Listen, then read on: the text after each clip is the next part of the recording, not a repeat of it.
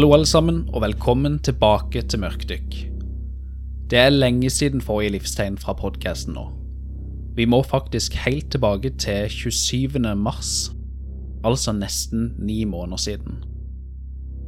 Forrige episode ble sluppet kort tid etter at Norge stengte ned som konsekvens av koronapandemien. Jeg begynte å arbeide med en egen pandemiepisode rett etter at forrige episode var ferdig, men det ble vanskelig å opprettholde både motivasjon og kreativitet i en radikalt endra arbeids- og samfunnshverdag. I denne lange og udefinerte pausen i Mørkdykk er det mange kjente og kjære som har etterspurt mer innhold fra podkasten. I tillegg så har mange lyttere rundt om i Norge tatt kontakt via sosiale medier med både tilbakemeldinger og ønsker om mer innhold. Dette har jeg satt stor pris på. Til tross for at podkasten er ung og nettopp har gjennomgått et langt opphold, så har han fortsatt å vokse.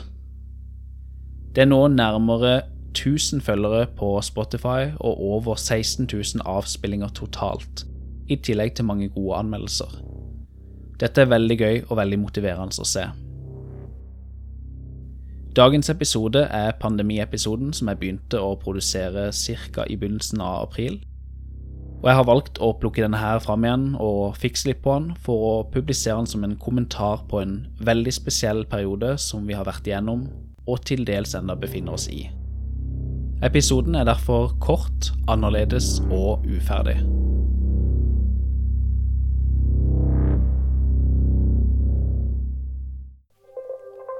Mitt navn er Daniel Øyen, og dette er Mørkdykk. I wasn't impotent, but emotionally I was impotent. I had a problem with uh, sexual fantasies. I don't have any remorse for some reason. We are all evil in some form or another, are we not? Jeg anerkjenner ikke norsk rett. When you look at me, you know what hate is. and I don't know what love is. I'm two different people, basically. And they said they had it right. Serial killer, killer.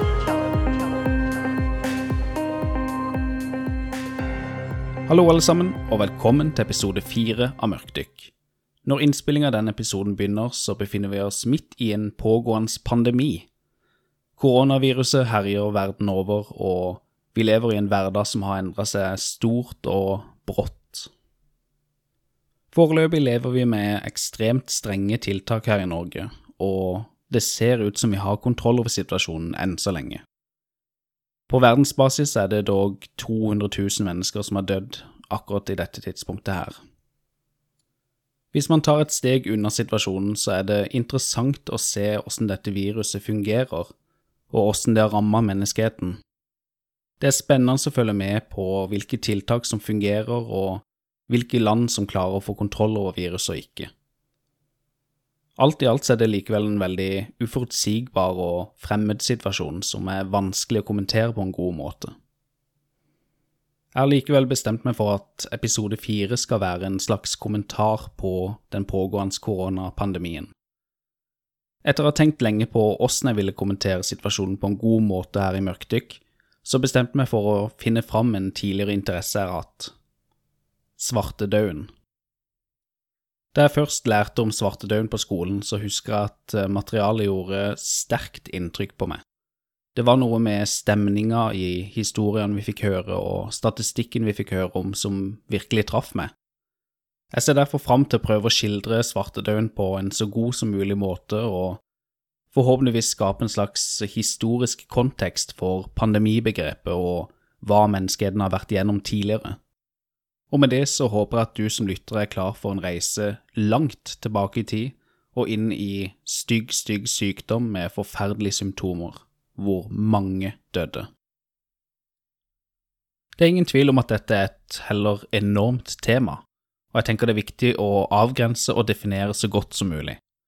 Derfor vil jeg begynne med å definere hva vi snakker om når det er snakk om svartedauden. Svartedauden er det norske navnet som er gitt til sykdommen pest. Dette er en sykdom som forårsakes av en infeksjon fra bakterien Yersinia pestis. Yersinia pestis er en bakterie man typisk finner hos små pattedyr, og som lar seg overføre til andre arter. Bakterien betegnes som zoonotisk, altså at den kan overføres fra dyr til mennesker. Når et menneske kommer i kontakt med pestbakterien, så er det litt ulike hendelsesforløp som kan begynne, avhengig av åssen man kommer i kontakt med bakterien. Den vanligste sykdomstilstanden som oppstår hos mennesker, er byllepest. Hendelsesforløpet her vil typisk være at det er rotter som er smitta med denne bakterien, og lopper som er bærere av bakterien mellom rottene og menneskene. Etter bitt fra pestbærende lopper så vil typisk inkubasjonstid for byllepest være én til syv dager. Når sykdomsforløpet begynner, ser man høy feber, mental forvirring, magesmerter og frysninger. Lymfeknutene, spesielt i lysken, armhuler og nakke, blir forstørra og danner byller. Disse byllene kan etter hvert sprekke for å tømme seg. Infeksjonstilstanden i kroppen kan føre til sepsis, altså blodforgiftning, og også sekundær lungepest. Ubehandla byllepest har en dødelighet på 50-60% Ifølge FHI så smitter ikke byllepest direkte mellom mennesker. Den andre varianten av pest hos mennesker er altså lungepest, som typisk er en konsekvens av byllepest. Lungepest det smitter derimot veldig lett mellom mennesker, og typisk gjennom dråpesmitte. Lungepest virker mest som en uh, veldig alvorlig lungebetennelse med en voldsom ødemdannelse, altså væskeutsiving, i lungene. Uten adekvat behandling med antibiotika så vil lungepest ha en 100 dødelig utgang innen to til tre dager. Mange kilder forholder seg også til en tredje variant av pest, som kalles septikjemisk pest.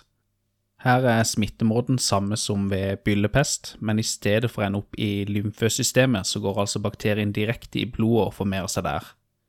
Resultatet av det er 100% dødelighet etter få timer.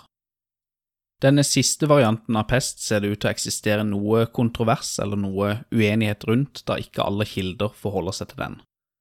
For eksempel så har Folkehelseinstituttet valgt å inkludere denne sepsistilstanden som et symptom på byllepest. Det kan etter hvert virke som at Yersinia pestis er en eh, bakterie som har eksistert minst like lenge som oss mennesker. I en svensk studie publisert i desember 2018 legges det fram funn av pestbakterien for hele 4900 år siden i Sverige. Det var ved hjelp av DNA-analyser av et kvinnelig skjelett som ble funnet i en passasjegrav, at man fant spor av denne bakterien så langt tilbake i tid. For 5000 år siden befant menneskeheten seg i det som kalles neolittisk tid, den siste delen av steinalderen. I den siste delen av steinalderen så ser vi framveksten av jordbruk og husdyrhold. Mennesker begynner i langt større grad enn tidligere å søke sammen i større samfunn, og bor dermed tettere på hverandre. Som en konsekvens av dette så kan vi regne med at uh, de sanitære forholdene var dårlige, og at mennesker levde tett på dyr. Når man da senere ser en kraftig nedgang i befolkningstall, så antar man at det kan skyldes utbredelse av sykdom som for eksempel pest. Det finnes ikke skriftlige kilder som betegner pestutbruddet i neolittisk tid. Derfor forholder vi oss til tre store pandemier når vi snakker om pest i verdenshistorien. Den første pestpandemien i verdenshistorien skjedde rundt år 540 til 750 rundt middelhavsområdet. Den kalles ofte den justinianske pesten, etter den østromerske keiseren Justinian. Den andre pestpandemien i verdenshistorien er det som vi nå kjenner som svartedauden. Pandemien oppsto i Kina i 1334 og spredte seg langs handelsveier til Konstantinopel og deretter videre til Europa. Pandemien var på sin topp med størst utbredelse og størst dødelighet mellom 1346 og 1353. Etter den ganske begrensede perioden hvor svartedauden ble regnet som en pandemi, så fortsatte sykdommen å blusse opp igjen i mindre epidemier. De siste pestutbruddene i Vest-Europa forekom i Danmark, Sverige og Frankrike utover 1700-tallet. I Øst-Europa fortsatte utbrudd av pest også utover 1800-tallet. Den tredje og siste pestpandemien ser ut til å ha vokst fram i Kina og India fra 1850-tallet og utover. Det var da snakk om spesielt harde utbrudd som spredde seg videre til alle de seks bebodde verdensdelene i løpet av få tiår. Det ser ut til at moderne kommunikasjonsmidler som jernbane og dampskip har spilt en sentral rolle i denne spredninga. Vi regner med at denne tredje pestpandemien enda pågår, siden det stadig rapporteres inn nye lokale utbrudd rundt om i verden. Akkurat dette skal vi utforske kort i slutten av denne episoden. Nå skal vi returnere til svartedauden, altså pestpandemien nummer to. Ifølge Store norske leksikon spredde svartedauden seg i Norge i 1349 og 1350. Skildringer fra samtida forteller at pesten ankom i Bergen i 1349 med et skip fra England, og at han òg nådde Stavanger, Trondheim og Østlandet.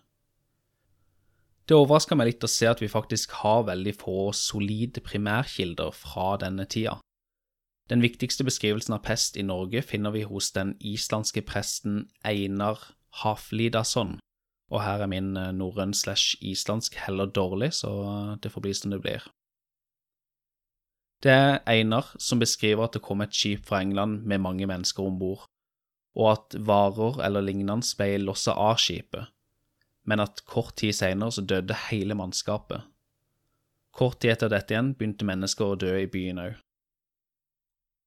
Einar beskriver videre at denne sykdommen spredde seg til hele Norge, og at han hadde såpass stor virkning at kun en tredjedel eller en fjerdedel av befolkningen overlevde. Han sier at det ikke var mer enn 14 gjenlevende mennesker i London etter at pesten hadde herja der.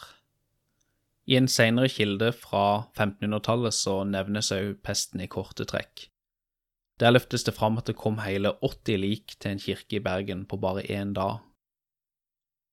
Da pesten kom til Norge, så var det Magnus Eriksson som var konge av både Sverige og Norge. Han påla folket å ty til prosesjoner, messer, ofring og faste for å stoppe pesten. En prosesjon er et langsomt og høytidelig opptog, og messe er altså da en kristen gudstjeneste med nattverd. Han sa at det var menneskene sine synder som gjorde at Gud hadde kasta en stor pest med brå død utover verden. Han var med det òg tydelig kjent med virkningene av denne sykdommen utenfor Norden. Skildringene av pest er ofte voldsomme og nesten litt apokalyptiske av seg. Men det ser ikke alltid ut til at de samsvarer med estimater for hvor alvorlig et utbrudd av pest faktisk er. Reelle dødstall fra Norge og Norden ellers fra denne tida finnes ikke. Det man derimot har vært i stand til å gjøre, er å utforske tall knytta til nedlagte gårdsbruk fra denne tida. I det nordiske Øydegardsprosjektet fra 1968 til 1981 fant man at 60% av norske gårdsbruk ble lagt ned fra midten av 1300-tallet og fram til rundt år 1500. Siden folketall og gårdsbruk tradisjonelt sett har vært tett knytta sammen, kan man òg grovt sett anslå omtrent 60% nedgang i befolkningstallet i Norge i denne perioden. Selv om pesten var dramatisk både for Norge og for verden, så må mange av historiene som knyttes til denne perioden, forstås som vandrehistorier med store overdrivelser. I historien Jostedalsrypa får vi høre at hele Jostedal i Sogn lå øde og forlatt da folk kom dit etter svartedauden. Det var kun en liten pike som hadde overlevd, og hun var sky og vill som en liten fugl. Dette er et godt eksempel på en historie om svartedauden som mangler historisk grunnlag og må forstås som et sagn. Vi begynner nå å nærme oss slutten av denne episoden, og jeg lovte at vi skulle komme tilbake til status på pest nå i dag. Selv om vi vanligvis snakker om historiske hendelser når vi snakker om svartedauden, så er vi ikke kvitt sykdommen. Ifølge FHI ble det rapportert om 3248 tilfeller av pest på verdensbasis fra 2010 til 2015. Av de tilfellene så var det altså 584 personer som døde. Det er Madagaskar som rammes mest av pest nå.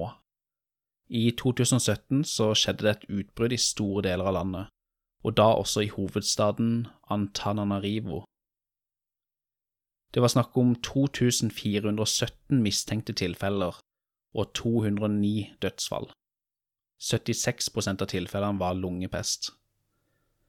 Vi er altså med andre ord ikke kvitt denne forhistoriske og skremmende sykdommen, selv om vi i dag har effektiv behandling via antibiotika og annen støttebehandling. I lys av den pågående koronapandemien så vil jeg òg løfte fram noe interessant jeg kom over i arbeidet med denne episoden. For å kjempe imot sporadiske utbrudd av pest i Europa på 1600-tallet ble det iverksatt omfattende administrative tiltak som isolering av de syke, avsperring av områder og karantene for skip. Disse inngrepene i befolkninga førte til at man i stor grad klarte å begrense utbruddene. Jeg synes det er interessant å se at den typen tiltak vi har brukt og bruker i møte med koronaviruset, allerede var i bruk på 1600-tallet. Det er jo selvfølgelig en del tekniske forskjeller både på tiltakene og pandemiene det er snakk om, men allikevel interessant å se.